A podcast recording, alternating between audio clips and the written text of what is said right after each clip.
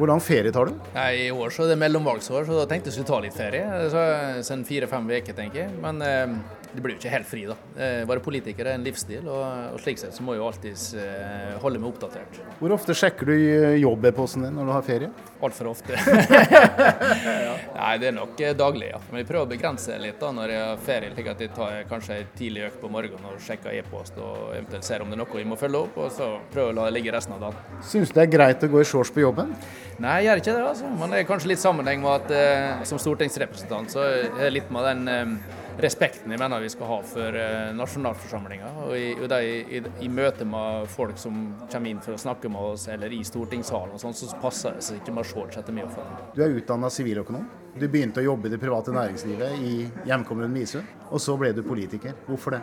Nei, det ene tar litt det andre. da. Jeg jobba som økonomisjef i et fiskeriselskap i tolv år. Det var en utrolig spennende tid, lærerik tid, og jeg fikk oppleve veldig mye. Og Så kommer det til et punkt der du kanskje føler at du trenger litt andre utfordringer. Så sa jeg ja til å stille som ordførerkandidat i hjemkommunen min. Da. Og det har jeg ikke angra på et sekund. Jeg ble jo ordfører, da. Det var det som var litt eh, Kommer kanskje litt overraskende, det òg, men, eh, men eh, når jeg først sa ja til å stille, så gjorde jeg det skikkelig. Og så går du all in og satser og gjør en skikkelig innsats på det du blir, det du blir valgt til. Og de åtte åra som ordfører det lærte meg utrolig mye om samfunnsoppbygging, om eh, viktigheten av å ha det rammeverket omkring for innbyggerne. Da, med gode basistjenester og det å være med å utvikle en liten kommune og prøve å få folketallet til å liksom gå opp. og Det å gjøre denne jobben der og bidra i den samfunnsbygginga der, det syns jeg var utrolig spennende. Har det vært en drivkraft for deg? Samfunnsbygging? Ja, absolutt. Hvis du ikke har det som drivkraft i politikken, så tror jeg, tror jeg har feil inngang til det. For det er jo egentlig det det handler om. Det handler om å være med å bygge det samfunnet du er du er født inn i, og som skal overlates til neste generasjon. Så det å ha et langsiktig perspektiv på det, et generasjonsperspektiv på det, og det å få lov å være med å bygge samfunnet du er en del av, det ser jeg på som et veldig privilegium. Og da ble du samferdselspolitiker? Ja, det er, i Møre og Romsdal så er ikke det noen veldig uvanlig kombinasjon. Da. Men det, klart infrastruktur er viktig, på lik linje med en del masse andre ting som er viktig i politikken. men det det med å sørge for en god infrastruktur har alltid vært, har alltid vært viktig for meg. Ja, hvorfor det? Nei, for jeg tror det er et av fundamentene du skal bygge et godt samfunn på. Nemlig at vi bygger samfunnene sammen. Bygger kortere avstander mellom folk. Du, du knytter regionen sammen, bygger større bo- og arbeidsmarked. Sørger for at folk kan ha en god hverdag. For å ha attraktivitet nok for unge som ønsker jobb, så gjelder det å bygge sterke regioner i hele Norge. Det er litt av motivasjonen min for å drive med samferdsel på det planet jeg gjør nå. Da. Det er jo at jeg ønsker å være med å bygge hele landet være med å bygge sterke regioner der verdiskapinga skjer. Helge Orten, du leder eh, transport- og kommunikasjonskomiteen på Stortinget. Hvor mye makt har du? Ja, Det er et godt spørsmål. Altså, jeg tenker ikke på makt som noe som er noe veldig personlig for meg. Jeg tenker mer på muligheten for å faktisk ha innflytelse. Muligheten til å få gjennomført ting. Eh, gjennomføre den politikken som vi har gått til valg på. I politikken så er det sånn at du er sjelden makt alene. Du er nødt til å skape allianser, altså bygge allianser, skaffe flertall for de sakene du tror på. Så Sånn sett så syns jeg begrepet innflytelse er bedre. da. Du liker ikke ordet makt? Nei, av og til så blir det forbundet med negative ting. Altså, Jeg skjønner jo det at jeg har jo makt til å påvirke. Det å ha innflytelse, det å ha muligheten til å være med og påvirke beslutninger i den retninga som du, du, ønsker at det skal gå. Ok, Ikke makt, men innflytelse. Har du stor innflytelse? Ja, jeg har jo det. I kraft av den rolla jeg har nå, i kraft av å være leder av transport- og kommunikasjonskomiteen, så har jeg stor innflytelse innenfor det området. Men jeg, igjen så må den innflytelsen utøves i samarbeid med andre. da. Og Vi er avhengig hele tida av å skaffe oss et flertall for det som vi skal gjennomføre. Så har vi gått til valg på et partiprogram. Vi har ei eh, eh, regjeringsplattform som vi skal forholde oss til. Vi har et samarbeid i Stortinget og det er partier som f.eks. står bak Nasjonal transportplan. Vi har et samarbeid inn mot regjeringsapparatet. Så det er klart at det, er mange allianser å, å, bygge på. da. Men når du skal prøve å påvirke Kjetil Solvik-Olsen, hva gjør du da? Ja, vi har jo eh, jevnlig dialog mellom eh, Stortinget, de tre regjeringspartiene på Stortinget og statsråden eh, og hans eh, politiske ledelse. Sånn at eh, vi er ukentlig møter der vi går gjennom saker, der vi diskuterer oss fram til løsninger hvis det er behov for det. For oss i Stortinget så gjelder det å prøve å påvirke gjennomføringa i en tidlig fase, slik at vi er sikre på at vi både har flertall for det vi skal gjennomføre i Stortinget, men òg for gjort det på en sånn måte at det er gjennomførbart. Skal du ha innflytelse, så må du oppnå den før den kommer til Stortinget? Er både og, da. Men, men altså klart, eh, så lenge vi sitter i posisjon, har partiet i regjering, vi styrer gjennom eh, den jobben vi gjør i regjering, så er det klart at det er viktig for oss å være inne i en tidlig fase. Diskutere med statsråden og med regjeringa på de løsningene som vi skal, altså det vi skal gjennomføre. Og sørge for at vi, vår, kanskje vår viktigste jobb er, og da etter at vi på en måte har fått diskutert oss gjennom det i forkant, sørge for at vi greier å skaffe oss et flertall for det i Stortinget i neste runde.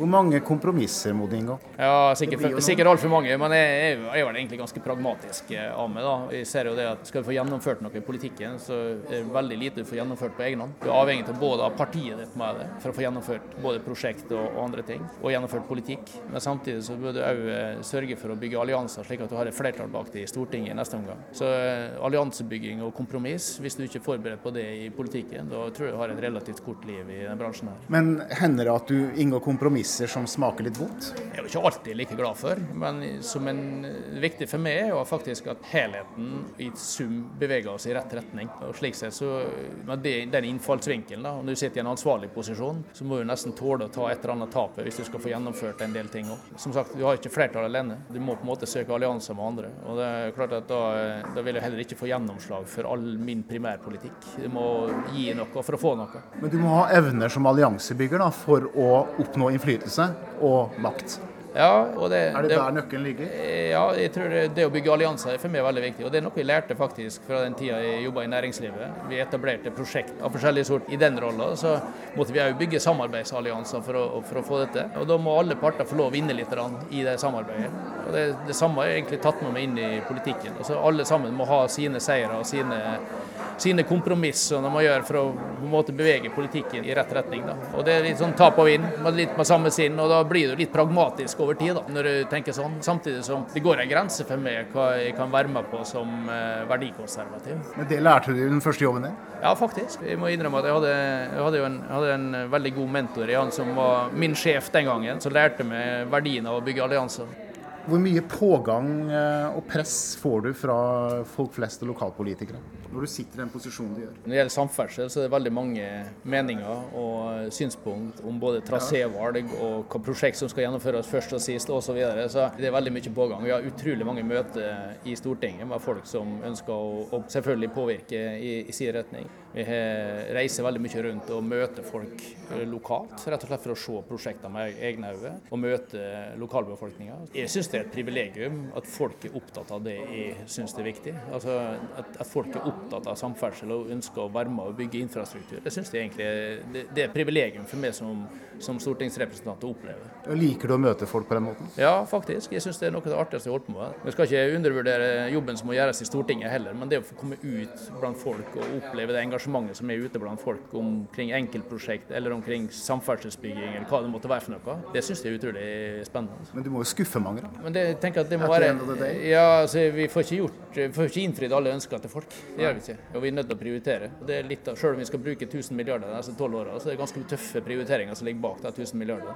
Hvordan svarer du da? Er du ærlig da, eller eh, pakker du det inn da? Eller hvordan møtekommer du folk som har ønsker som kanskje ikke er gjennomførbart i overskuelig framtid? Nå er det slik at Vi jobber med samferdsels, nye samferdselsprosjekter iallfall gjennom Nasjonal transportplan. og Det er jo da slaget står. Så Veldig mye av jobben nå er jo i at folk presenterer prosjektene sine og ønsker å på en måte få det inn i Nasjonal transportplan. Den dagen det legger legge fram et forslag til en Nasjonal transportplan, og en ny i, i 2021, så vil jo noen bli skuffa. Det beste er å være ærlig på at OK, sorry, vi klarte ikke å prioritere alle prosjekter. Vi måtte velge slik og sånn, og så gjelder det å ha en så god begrunnelse for det som mulig. da. Men det feltet som du har ansvaret for, samferdsel, eh, transport, der går utviklingen veldig fort.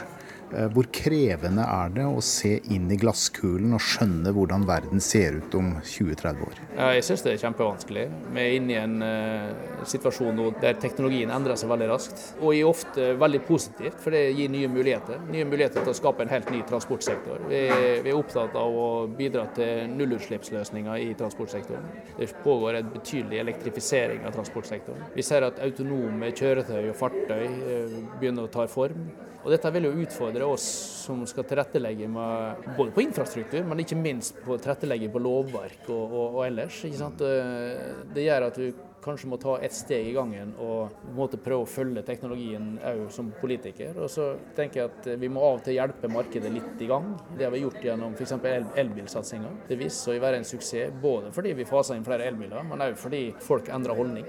Altså Folk endrer holdning og tar mer ansvar knytta til det med å bidra til nullutslipp i, i, transportsektoren. Og Slik må vi kanskje bevege oss fremover. Da og da må vi tørre å ta en annen sjanse. Jeg tror Av og til så er vi litt for forsiktige. Vi må kanskje tørre litt mer i åra som kommer, nettopp for å greie å holde tritt med den teknologiske utviklingen. Du er nasjonalpolitiker når du blir valgt inn på Stortinget, men hvor mye pleier du egen andedam? Så mye som mulig. Jeg merker at det blir litt mer av alt når du er komitéleder. sånn at Dessverre så har jeg hatt litt mindre tid til å reise i mitt eget fylke nå enn, enn i forrige periode. Men eh, jeg syns de la et veldig godt grunnlag òg i forrige periode. Jeg prøver å bruke så mye tid jeg kan ut og reise i eget fylke. Selv om jeg har en nasjonal rolle som leder av transport- og kommunikasjonskomiteen, som har òg en ombudsrolle og en rolle, spesiell rolle knytta til det området jeg er valgt inn. Sånn at Det er viktig å prøve å kombinere det. Så er det sånn at På nasjonal basis så konsentrerer jeg meg i hovedsak om eh, transportpolitikk, eller samferdselspolitikk. I mitt eget fylke så må jeg håndtere hele politikkfeltet. sånn at eh, Jeg må være opptatt av kunnskap, utdanning, helse, alle, alle politikkfelt. Og sørge for å være et ombuds person for innbyggerne i Møre og Romsdal på, på, hele politikkområdet. Men Kjenner du presset fra hjemfylket? da? Ja, ja, ja. Og derfor er det viktig at jeg å fortsette å bo i eget fylke. Jeg bor ute på Misund og jeg trives veldig godt med det. Reiser hjem så ofte jeg kan. Av og til så bruker jeg å si at noen får lure på hva det viktigste jeg gjør på Stortinget. Det er å komme hjem igjen og kjenne på pulsen i mitt eget fylke. Og det, det mener jeg faktisk. For jeg, jeg, tror at det at vi er valgt inn fra forskjellige deler av landet, har en egenverdi i å faktisk at vi skal representere hele Norge. Og Da er det viktig at de greier å representere Møre og Romsdal på en god måte. Men du blir jo sulten på mer, da? Ja, akkurat nå så er jeg veldig fornøyd med det jeg holder på med. Jeg har alltid hatt den leveregelen at det er smart å ha full fokus på den jobben du er satt til å gjøre. For meg så har det åpna seg nye dører, så jeg har fått muligheten til å si ja eller nei til å gå gjennom. Men flere av forgjengerne dine som leder i denne komiteen har jo steget i gradene. Har du ambisjoner om å stige gradene i Høyre? Nei, vet du, tar, ta som det kommer i tilfelle. Når jeg er i politikken, så tror jeg at eh, Og hvis du ønsker å ha innflytelse, da, så tror jeg det er viktig å prøve å ta de utfordringene du får, hvis du får dem. Men det handler egentlig om hardt arbeid stort sett hver dag. Sørge for å gjøre den jobben du skal, sørge for å gjennomføre og utføre det tillitsvervet du satte satt på en god måte. Da kan hende det åpner seg andre muligheter i neste runde.